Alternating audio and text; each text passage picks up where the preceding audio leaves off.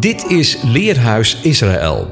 Met elke week de bespreking van een gedeelte uit de eerste vijf boeken van de Bijbel.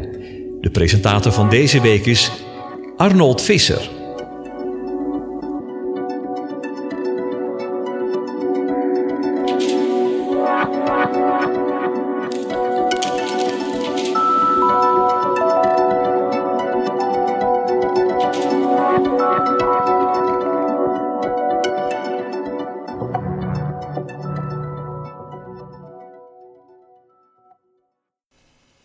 Beste luisteraars, hartelijk welkom bij weer een uitzending van het Leerhuis. Shabbat Shalom.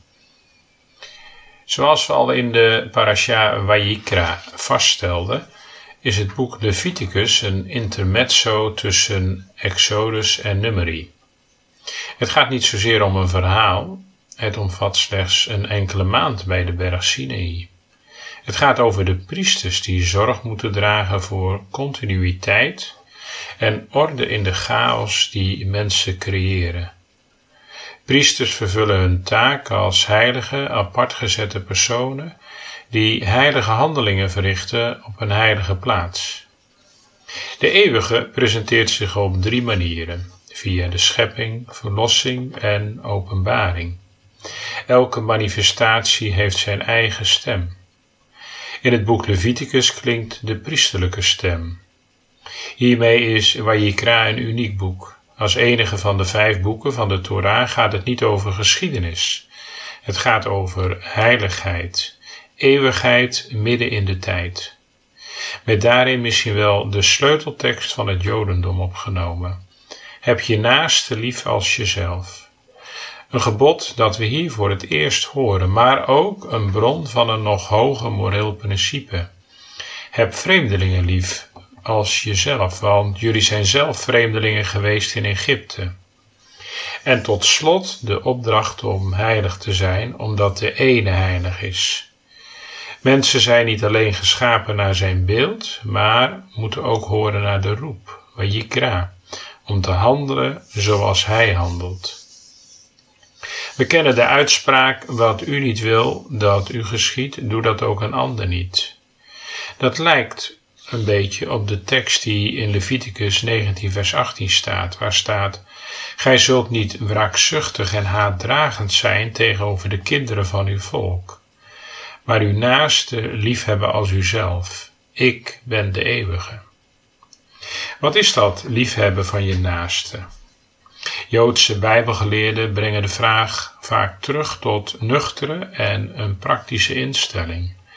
Nachmanides en anderen stellen dat het niet om de naaste als persoonlijkheid is te doen, maar om zijn welzijn. Het materieel en geestelijk welzijn van de ander die je net zo ter harte te nemen als je eigen welzijn. Dan wordt het voorschrift de ander lief te hebben als jezelf vatbaar voor een actieve uitvoering, zelfs al heb je van die ander een afkeer. In de Torah staat een bepaling die steun geeft aan een daadwerkelijke uitvoering van naaste liefde, ook in het geval van niet-sympathieke personen. In Exodus 23, vers 5 is te lezen: Wanneer gij de ezel van uw vijand onder zijn last ziet bezwijken, zult gij dit niet onverschillig aan hem overlaten. Gij zult hem zeker helpen met afladen. Hier heeft Jezus misschien wel aan gedacht toen hij kwam met zijn abstractere adagium: heb uw vijanden lief. We hoeven niet van iedereen als persoon te houden, maar we hebben wel de verantwoordelijkheid om ons te bekommeren om hun welzijn, om het materiële en geestelijk welbevinden en om vriendelijk en hoffelijk tegemoet te komen.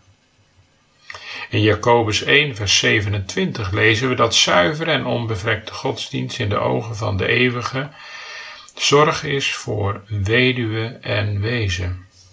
In Leviticus 19, vers 9 staat: Wanneer u nu de oogst van uw land binnenhaalt, moet je niet oogsten tot aan de uiterste hoeken van het veld. Nog zult u de sprokkelingen van uw oogst verzamelen. Deze wetten vormen de achtergrond voor het verhaal van Rut, de overgrootmoeder van koning David.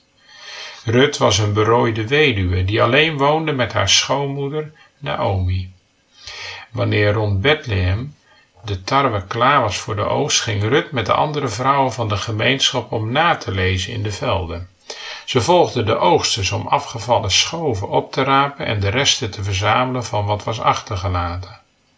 Nalezen is nog steeds door de wet toegestaan in het moderne Israël.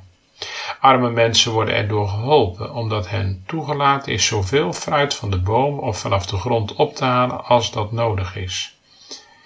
Waarom volgde een boer deze instructie? Hij had zich slechts te herinneren dat het land niet aan hem toebehoorde.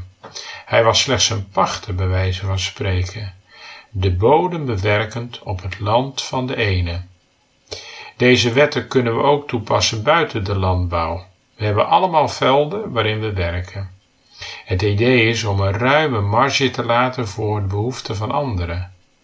Geleerden wijzen erop dat de Torah niet voorschrijft hoe groot de hoeken van het veld moeten zijn. Een gul mens zal grote hoeken laten staan voor nalezers, terwijl een gierig mens kan besluiten dat een stengel of twee op de hoek van elk veld voldoende is. In beide gevallen zegt het veld iets over de mens en zijn hart. Met de parasha van vandaag, Acharemot en Kedoshim, zijn we in het hart van de Torah gekomen. Het is na de dood en heilig zijn. Na de dood volgt de heilige ontmoeting en verzoening, Yom Kippur. De parasha Achremot en Kedoshim zijn onderverdeeld in hoofdstukken waarin tegenstrijdige onderwerpen aan bod komen. In hoofdstuk 16 worden de voorschriften gegeven voor Yom Kippur, de grote verzoendag, de enige dag in het jaar dat een mens, alleen de hoge priester, het heilige der heiligen mag binnengaan om verzoenend bloed op de kaporet, het verzoendeksel, te sprenkelen. Hoofdstuk 17 beschrijft het verbod om offers buiten de tempel te brengen en om bloed te consumeren. Hoofdstuk 18 gaat over verboden relaties. Het Joodse volk mag zich niet gedragen zoals andere immorele volken. Bij deze parasha horen verschillende schriftgedeelten. Ik ga ze u geven. De Torah-lezing is uit Leviticus 16, het eerste vers, tot 20, vers 27. De Haftarah-lezingen zijn uit Amos 9, 7 tot 15 en Ezekiel 20, 2 tot 20 en Ezekiel 22, 1 tot 16. De Tweede Testamentlezingen komen uit Matthäus 5, 43, 48 en 1 Corinthians 6, 9 tot 20. In de tekst komen we vele contrasten tegen. Die komen we natuurlijk ook in ons dagelijks leven tegen. Soms klein, maar soms levensgroot. Enerzijds een heilig moment, de heiligste dag van het jaar, en anderzijds allerlei waarschuwingen tegen immorele zaken contrast tussen leven en dood, tussen goed en verkeerd handelen. Het doet mij denken aan de familiegeschiedenis die Rabijn Vorst ook in het licht van deze parasha vertelde. In de Tweede Wereldoorlog waren ze als familie weggevoerd naar Westerborg, alwaar zijn moeder beviel van zijn broertje.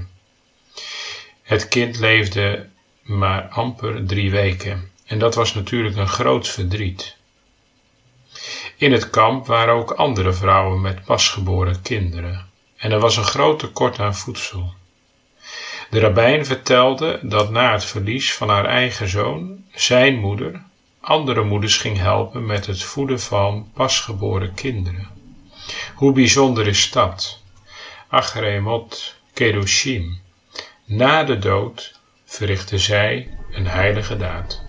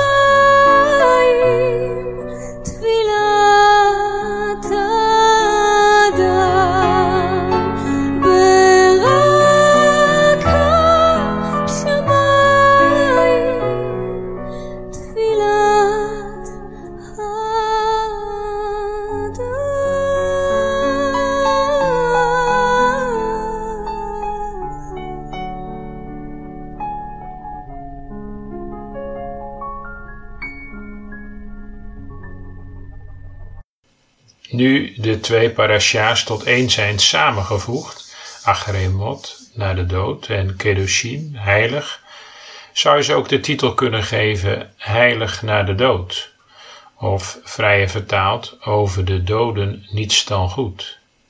Een achteraf heilig verklaring, zoals we dat ook wel eens op het nieuws nog vernemen. In bijbelse termen is diegene die de ene in het leven hier op aarde dient een tzaddik of een rechtvaardige. De dood van de rechtvaardige die verzoent is een belangrijk uitgangspunt in de Torah.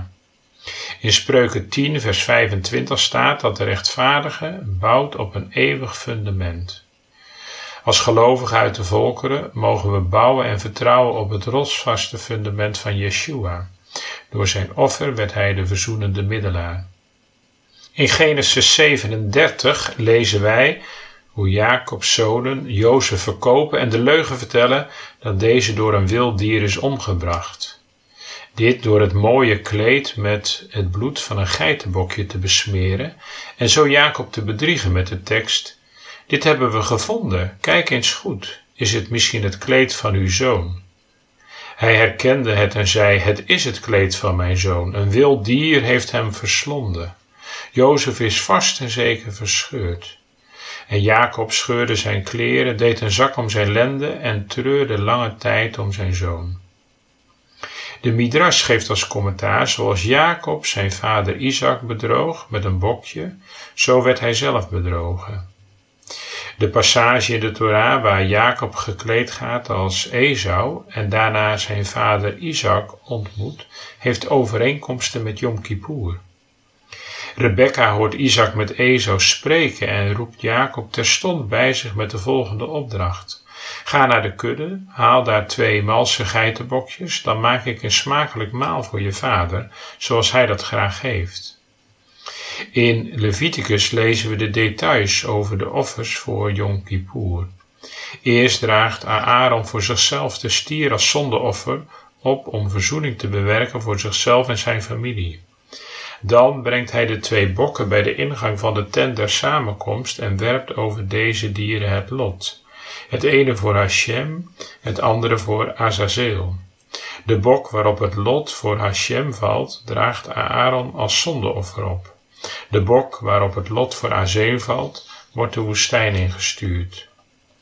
Volgens rabbi Arikaan zijn de twee bokjes die Jacob naar zijn vader Isaac brengt, een profetische handeling doorverwijzend naar Yom Kippur. De mannelijke geiten symboliseren de tweelingen, Jacob en Esau.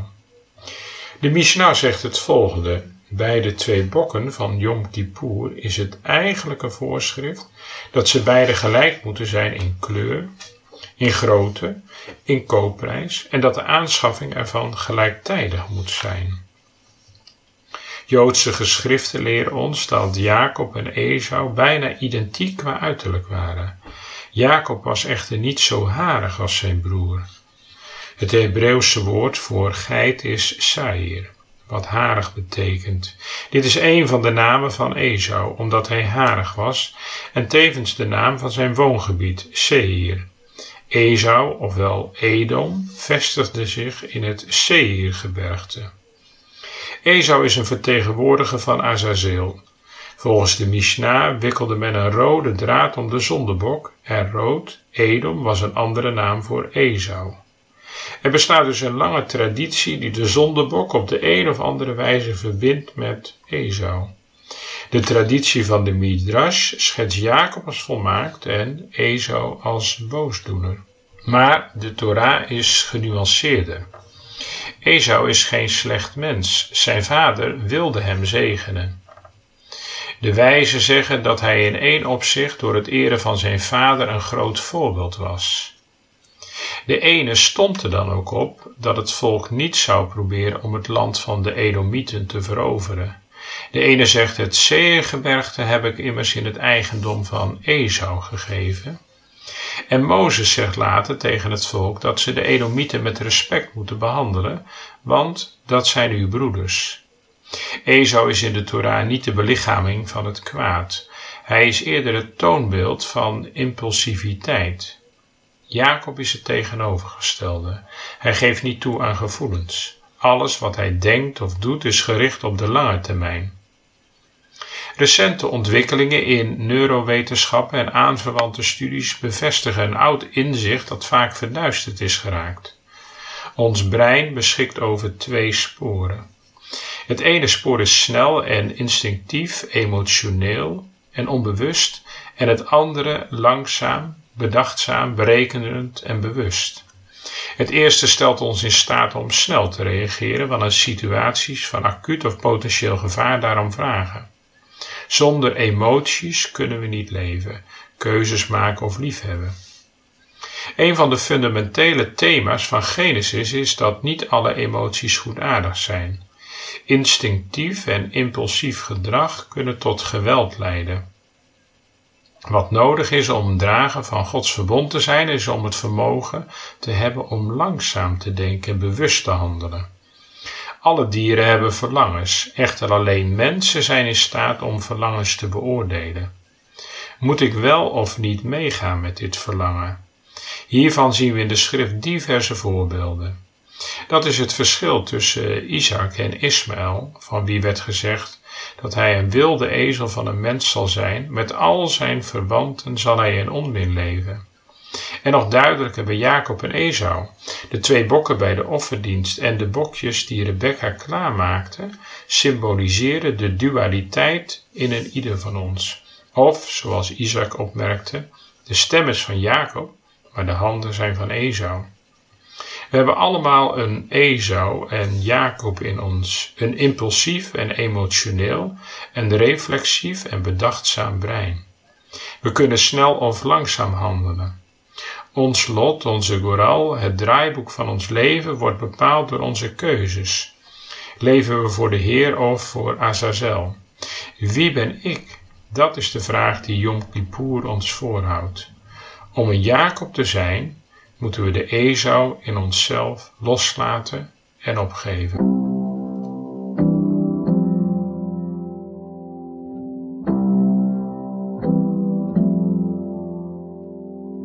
We're praying the prayer with no reply. Words float off into the night. Couldn't cut our time with the sharpest knife.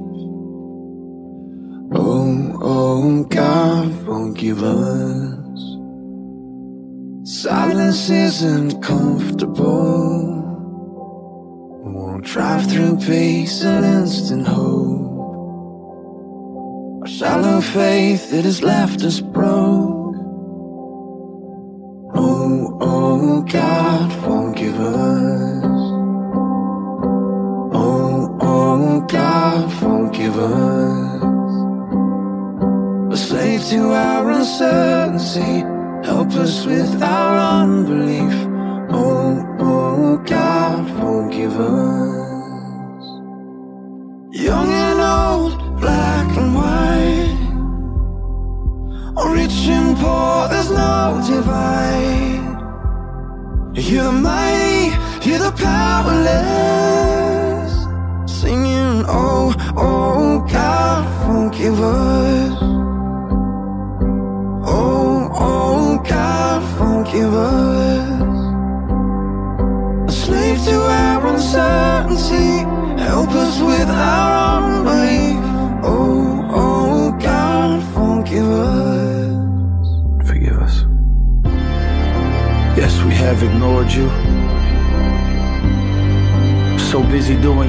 That we forgot that this was for you Arms wide to our homeless Savior but arms crossed to our homeless neighbor. On bended knee, unite us all, set us free.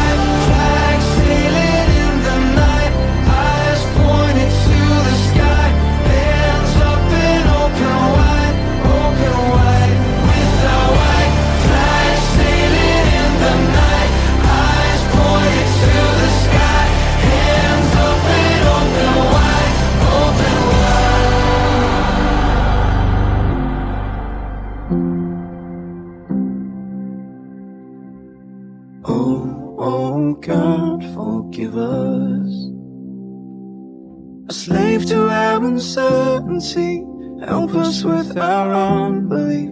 Oh, oh, God, forgive us. Interessant is de vraag, mede gezien het heilige karakter, hoeveel gelovigen nu nog inhoud geven aan het voorschrift van Leviticus 16 om op Grote Verzoendag of Yom Kippur te vasten en bidden. Exemplarisch is misschien wel hetgeen werd opgemerkt door de vrouw van de schilder Marc Chagall. Zij schrijft in een boekje over haar herinnering aan de Joodse feesten zoals ze die in haar jeugd meemaakte. Christenen hebben helemaal geen vrees voor God, zei ze. Ze lachen zelfs op Yom Kippur.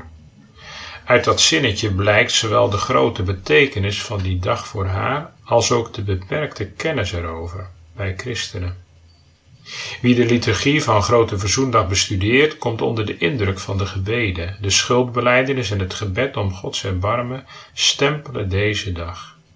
Men staat op de drempel van een nieuw jaar, maar er is geen toegang tot dat jaar dan alleen wanneer de eeuwige ons genadig is. De grote Joodse denker Frans Rosenzweig overwoog in zijn jeugd zich te laten dopen.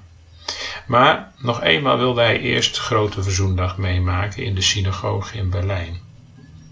Het leidde ertoe dat hij afzag van zijn doop. Hij heeft er weinig over gezegd, eigenlijk alleen een kort zinnetje. Ich bleibe also Jude. De protestantse theoloog Rudolf Otto, schrijver van het boek Das Heilige, is vooral bekend geworden door zijn pleidooi om er weer ernst mee te maken dat God de gans andere is, die we als mens alleen kunnen naderen in vrezen en beven. Het was begin deze eeuw nodig om dat te zeggen toen de mens zichzelf meende groter moeten maken op kosten van de ene. Minder bekend is dat de aanleiding tot het schrijven van dit boek Otto's bezoek was aan een kleine synagoge in Noord-Afrika tijdens een dienst op Grote Verzoendag. Er is dus reden om ons af te vragen wat deze hoge feestdag ons als gelovigen te zeggen heeft. Waarom heeft deze dag geen plaats gekregen op de kerkelijke kalender? In het Tweede Testament lezen we nergens over de viering van Grote Verzoendag. We lezen er wel over in de brief aan de Hebreeën, maar van een viering van de dag zelf horen we niets. We lezen alleen in Handelingen 27, vers 9 terloops dat de vasten reeds achter de rug was, waarbij Lucas zin speelt op Grote Verzoendag. Het verdere stilzwijgen is opvallend. In de brief aan de Hebreeën worden het lijden en sterven en ook de opstanding en de hemelvaart van Christus getekend als vervulling van het oud-testamentische ritueel van Grote Verzoendag. Op een indringende wijze tekent de schrijver van deze brief hoe de dood van Yeshua buiten de lege plaats eens en voorgoed de toegang tot de troon der genade heeft vrijgelegd. De feesten in Leviticus zijn zijn feesten en Yeshua neemt een centrale plaats in bij elk van de zeven feesten. Binnen de drie najaarsfeesten die hun complete vervulling krijgen tijdens de wederkomst van Christus, neemt Grote Verzoendag een bijzondere plaats in.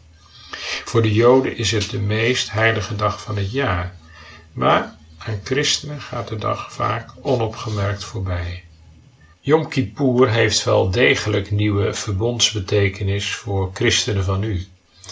De Hebreeënbrief legt uit dat Christus eens en voor altijd met zijn eigen bloed als de hoge priester het heiligdom in de hemel is binnengegaan met een speciaal doel. Hij pleit daar als voorspraak voortdurend voor de gelovigen die hun zonde beleiden. Sommigen zeggen dat Yeshua ons eenmalig verzoening heeft gebracht en dat zonde daardoor voor christenen geen thema meer is. Dat zou dan in feite betekenen dat zijn functie als hoge priester voor gelovigen overbodig is geworden, terwijl de Bijbel juist leert dat zijn functie voortduurt totdat hij dit heiligdom in de toekomst zal verlaten om terug te komen voor hen die rijkhalsend naar hem uitzien. De schrijver van de Hebreeënbrief zet ons dus aan het denken. In Matthäus 6 gaat het over bidden, vasten en het geven van aalmoezen of doen van gerechtigheid. Dit zijn precies de elementen die genoemd worden met betrekking tot Grote Verzoendag. In Matthäus 5, vers 23 zegt Yeshua: Wanneer gij dan uw gave brengt naar het altaar en u daar herinnert dat uw broeder iets tegen u heeft, laat uw gave daar voor het altaar en ga eerst heen, verzoen u met uw broeder en kom en offer daarna uw gave.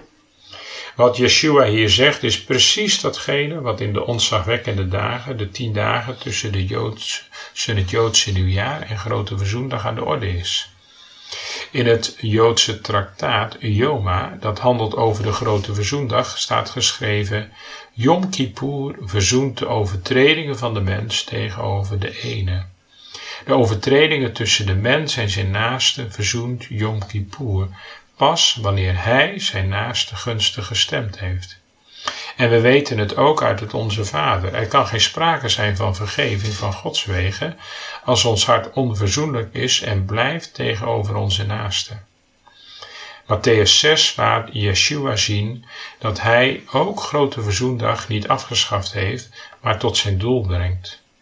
Het gaat ook voor de christelijke gemeente om die drie kenwoorden van Matthäus 6: bidden, vasten en het doen van gerechtigheid.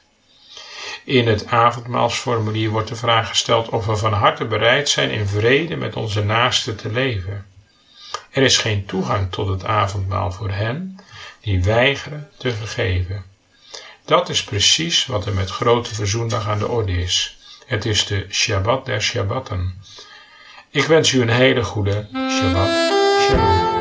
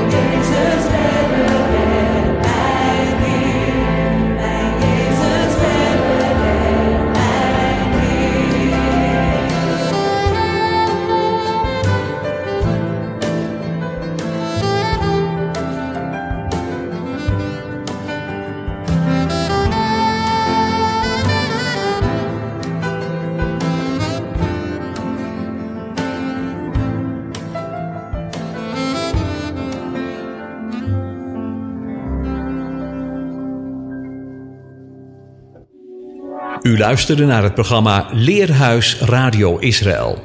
Een wekelijkse studie aan de hand van de Bijbelgedeelten die wekelijks door de Joodse gemeenschap worden gelezen. Heeft u een vraag of opmerking?